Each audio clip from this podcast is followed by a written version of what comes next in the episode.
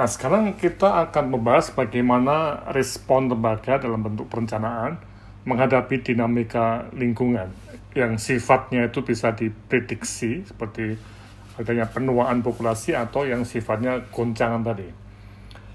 Di dalam konteks perencanaan memang ada aturan sistem perencanaan yang dimulai uh, dari Undang-Undang Nomor 32 Tahun 2004 dan ini memang untuk perencanaan di lembaga uh, pemerintah.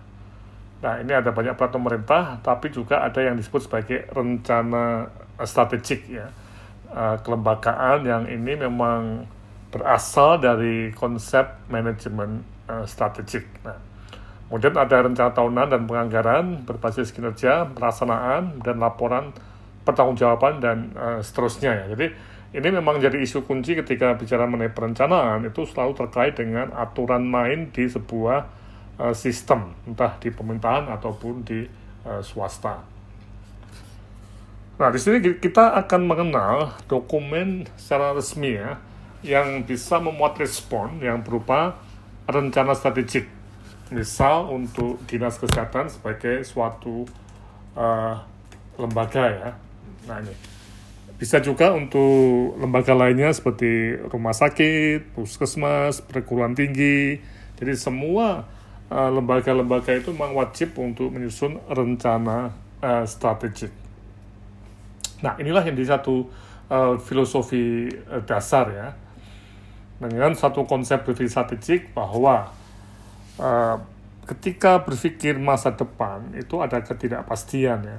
Sehingga memang perencanaan itu juga mengandung apa yang kita sebut unsur uh, prediksi ya di mana berbagai faktor eksternal yang berpengaruh di masa mendatang kita coba uh, prediksikan dan direncanakan supaya apa-apa yang di dalam program ya internal itu akan cocok dengan perkembangan uh, eksternal. Ini di halaman 6 ya.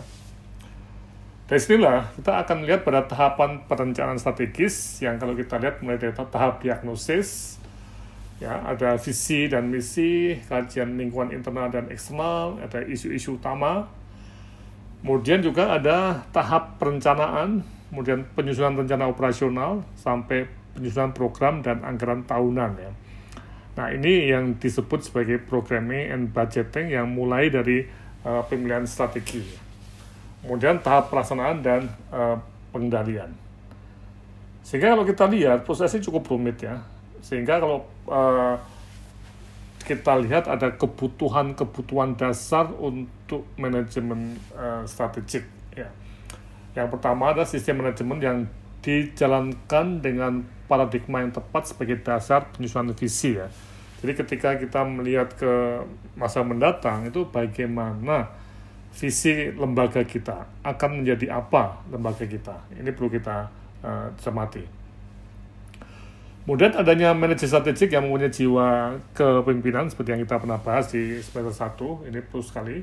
Tanpa ada pemimpin tidak mungkin kita mempunyai uh, respon berupa rencana strategik yang tepat untuk dinamika lingkungan. Sehingga kalau kita lihat hakikat perencanaan strategik adalah bagaimana proses penerjemahan visi, misi, keyakinan dasar, nilai dasar, dan strategi dan membuat suatu peta strategi yang terkait dengan dinamika lingkungan. Kemudian juga proses untuk menyusun kegiatan-kegiatan masa depan yang kreatif, tidak monoton, ya, dan juga pengaplikasian contemporary management knowledge atau pengetahuan manajemen yang terbaru. Jadi kita melihat bahwa mereka yang menyusun rencana strategik itu paham betul mengenai apa yang disebut pengetahuan manajerial yang terbaru ya. Oke, nah di sinilah jadi proses rencana strategik dan kesehatan ini memang membutuhkan komitmen dan leadership, kemudian ada rencana strategis, kemudian ada sistem desain, manajemen program, manajemen sumber daya manusia, manajemen pembiayaan dan keuangan, sistem sovereign dan informatika, dan berbagai fungsi lainnya. Nah, ini semua yang akan menghasilkan kinerja tadi. Nah, kinerja ini yang dibutuhkan oleh sistem kesehatan secara besar untuk tetap baik atau uh, bertahan dari goncangan.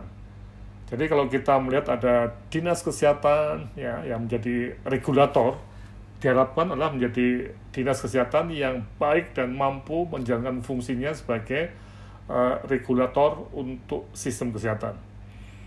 Demikian juga untuk BPJS untuk menjadi lembaga pemberi dana yang atau pendanaan yang baik untuk semua pihak yang menjadi anggotanya.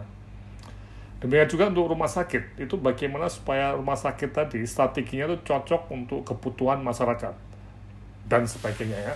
Jadi kinerja-kinerja lembaga itu bisa cocok dengan apa yang kita sebut sebagai uh, sistem kesehatan yang responsif.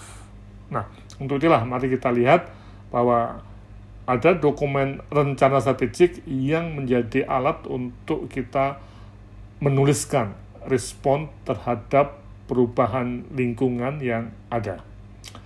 Oke, nanti akan dituliskan lagi oleh uh, Pak Dwi pada kuliah-kuliah berikutnya. Sekian dan terima kasih.